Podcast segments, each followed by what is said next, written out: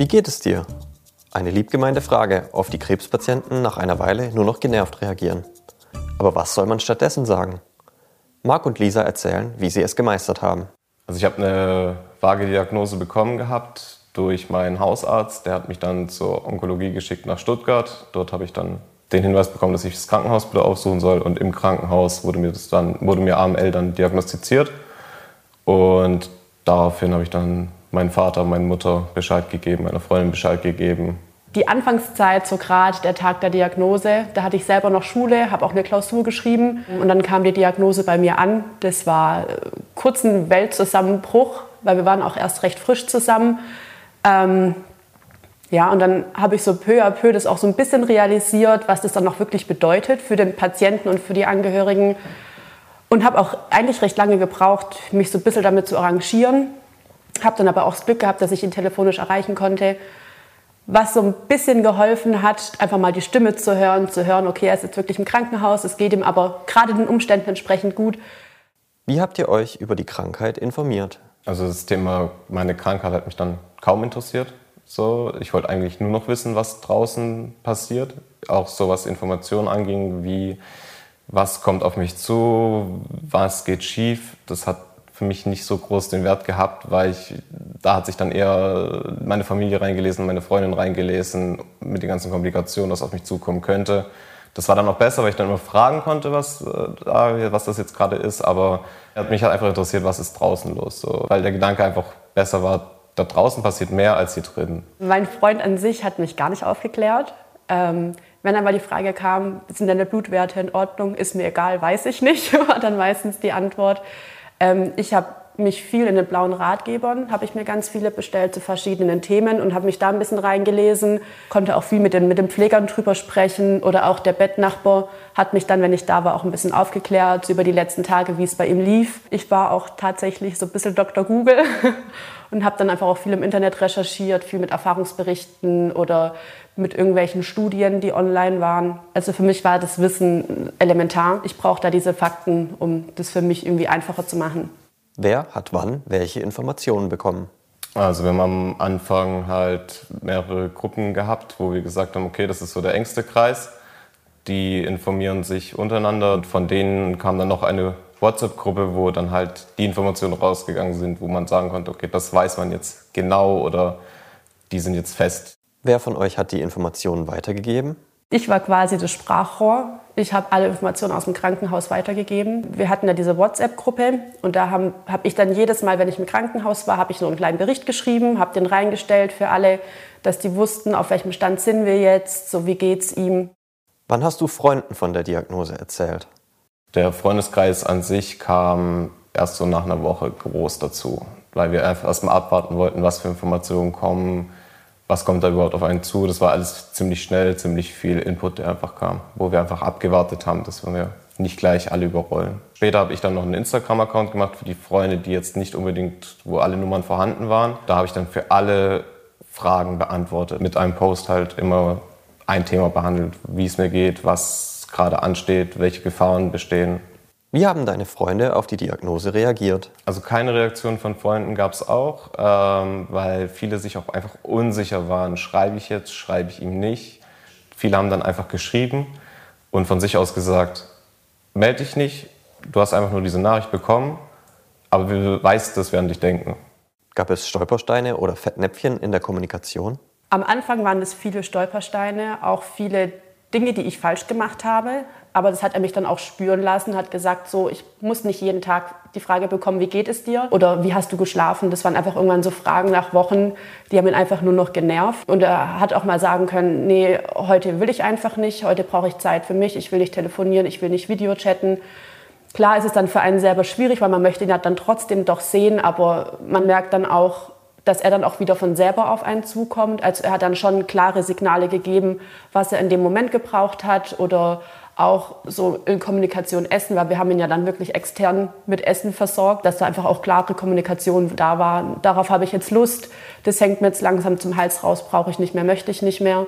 Was war für dich als Patient besonders hilfreich? Also was mir oft geholfen hat, war zum Beispiel, wenn ich Wünsche, was Essen anging, als dann die Problematik mit dem Essen kam, dass man dann sagen konnte, hey, könntet ihr euch mal Gedanken darüber machen, wie man einen Wurstsalat, äh, einen Nudelsalat gestalten könnte.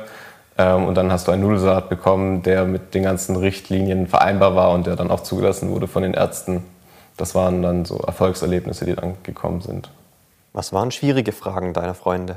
Also was gar nicht geholfen hat, war immer wieder zu fragen, geht's dir schon besser? Ging das und das schon wieder? Wann bist du denn wieder gesund? So, weißt du da schon was? Äh, ist die Transplantation erfolgreich verlaufen? Das sind so Fragen, darauf kannst du keine Antwort geben, weil du das selber noch nicht weißt oder selber einfach weißt, das dauert, bis du selber den festen Tag bekommst, wo es sagt, du bist geheilt oder du, dir geht's jetzt besser oder dir geht's gut.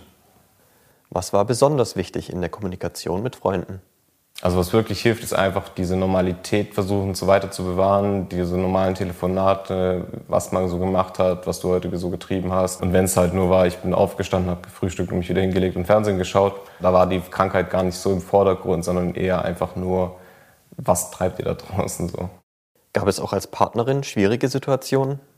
Am Anfang habe ich angefangen, so meine eigenen Probleme als irrelevant ähm, anzusehen, dass ich war selber dann auch in der Prüfungsphase von meiner Ausbildung, dass ich dann gesagt habe, okay, mein Stress ist jetzt egal, er hat Krebs, es ist viel wichtiger, viel schlimmer und habe mich da selber so arg zurückgenommen, dass ich irgendwann verzweifelt bin, dass ich da einfach lernen musste, mich selber auch nicht zurückzustellen, auch nicht ihm gegenüber, dass ich nicht immer sage, ja, mir geht's gut, sondern dass man auch wirklich dann sagt, nee, mir geht's heute nicht gut.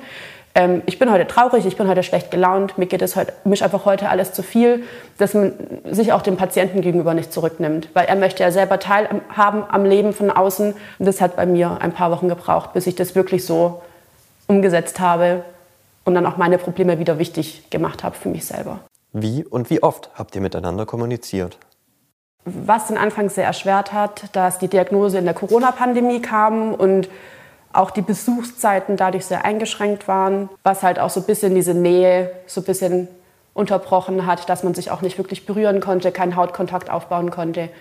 Das war ja schon schwierig, aber man konnte sich damit arrangieren. Hauptsache, man konnte ihn sehen, auch mal irgendwie mit ihm ein bisschen was spielen, Backgammon oder ein bisschen Karten spielen, dass man einfach so einen Funken an Normalität hat. Wir haben an sich, haben wir fast jeden Tag telefoniert, auch viel Video gechattet, auch teilweise mit Freunden dann über verschiedene Plattformen. Bis auf den Dezember, auf Ende Dezember, da haben wir uns dann vier Tage gar nicht gesprochen, weil es ihm nicht so gut ging. Aber ansonsten haben wir auch manchmal dreimal am Tag telefoniert, je nachdem, wie viel Zeit dann auch bei mir beruflich war. Wie haben Freunde und Familie dich im Alltag unterstützt? Es kamen extrem viele Angebote, wenn es mal hieß, die Wohnung zu putzen oder äh, das Auto zu putzen, kam immer jemand, der gesagt hat, hey, das kann ich einen Nachmittag lang machen, das ist kein, keine Frage. Was eine große Aktion war zum Beispiel, was ich echt gut fand, was mir geholfen hat, war von Freunden bzw. von meinem Familienkreis ein Riesenplakat, wo einfach viele Fotos drauf sind, dass ich die Gesichter nicht vergessen habe oder dass ich jeden Tag auch sehen konnte, okay, da sind welche, die an mich denken. Oder auch allgemein so Collagen, wo dann einfach Erinnerungen drin waren, die einem dann daran geholfen haben, weiterzumachen, dass man halt am Ende wieder die Freunde ja sieht. Wie hat der Kontakt mit Freunden zwischen und nach der Therapie funktioniert?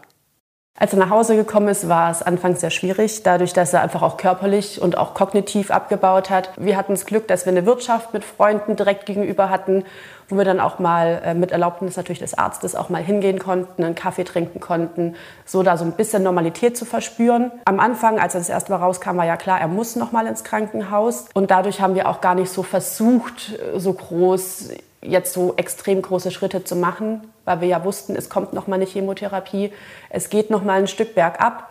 Und als er dann zum zweiten Mal dann letzten Endes rauskam, haben wir schnell große Schritte gemacht, auch was so Spazierengehen angeht oder mal mit Freunden auf einen Kaffee treffen, mal essen gehen. Wie seid ihr mit Einschränkungen in eurem Alltag umgegangen? Wir haben relativ schnell wieder eine Normalität gefunden.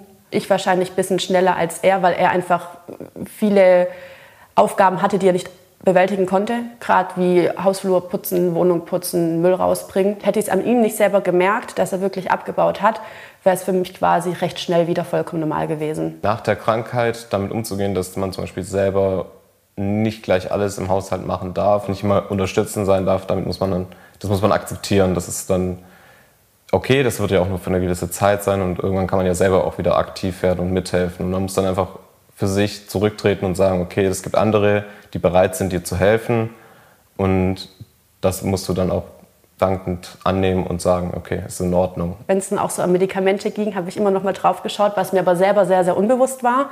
Das habe ich auch nicht gemacht, um ihn zu ärgern, sondern weil ich einfach auch eine Zeit lang seine Medikamente richten musste, musste weil er eine Überempfindlichkeit in den Fingern hatte, ähm, dass er einfach gar nicht die Verpackungen richtig anfassen konnte, weil es wehgetan hat. Und da war halt immer dieser Kontrollblick noch drauf. So hat er jetzt alle Medikamente in der richtigen Dosierung. Aber ich glaube, wir haben das recht schnell wieder hinbekommen, dass wir wirklich auf Augenhöhe uns begegnen konnten, dass ähm, ich nicht so diese Aufpasserin war, dieses strenge Bemuttern, sondern dass er einfach auch selber so gesagt hat, ähm, ich weiß, wo meine Grenzen liegen, ähm, ich spüre meine Grenzen, ich kann mich auch dran halten.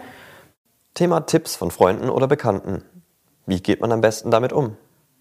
Was ich oft hatte, war dann, wo zum Beispiel auch die Reaktionen einfach von den Medikamenten am Körper waren, wo man halt nicht immer alles schlucken konnte oder nicht alles essen konnte, dass da einfach Freunde oder Kollegen einfach zu mir kamen und gesagt haben, hier bei dem und dem hat das und das geholfen nein, ihr seid nicht in meiner Position, ihr seid nicht hier gerade derjenige, der das erträgt. So, da habe ich dann eher schon auf die Pfleger gehört und auf denen ihre Erfahrungen gehört. Wie hat die Kommunikation beim Wiedereinstieg ins Berufsleben funktioniert? Also wo ich zurückgekommen bin, war ich fast fertig mit der Ausbildung. Da war es dann die, die Frage, ob ich mich um ein halbes Jahr verlängere oder nicht.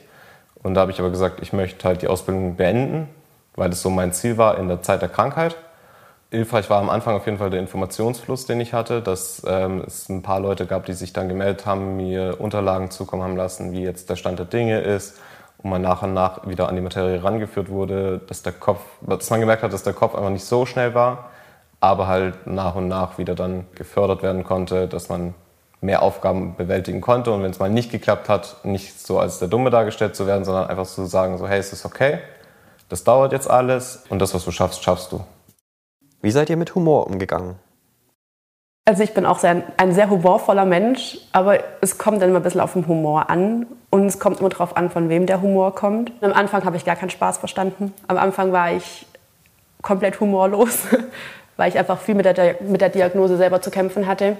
Und jetzt aber inzwischen geht's. Also inzwischen ist er auch so, dass er dann schon gut weiß, wie er kontern kann. Was mir oft geholfen hat, war auch viele Aussagen mit Humor zu nehmen oder einfach auch zu sagen, so hey, ja, ist jetzt gerade der Moment so, aber das wird auch wieder vorbeigehen und dann sehe ich wieder besser aus als du oder kann ich wieder mehr als du, kann ich wieder den Marathon laufen, den du damals nicht hinbekommen hast.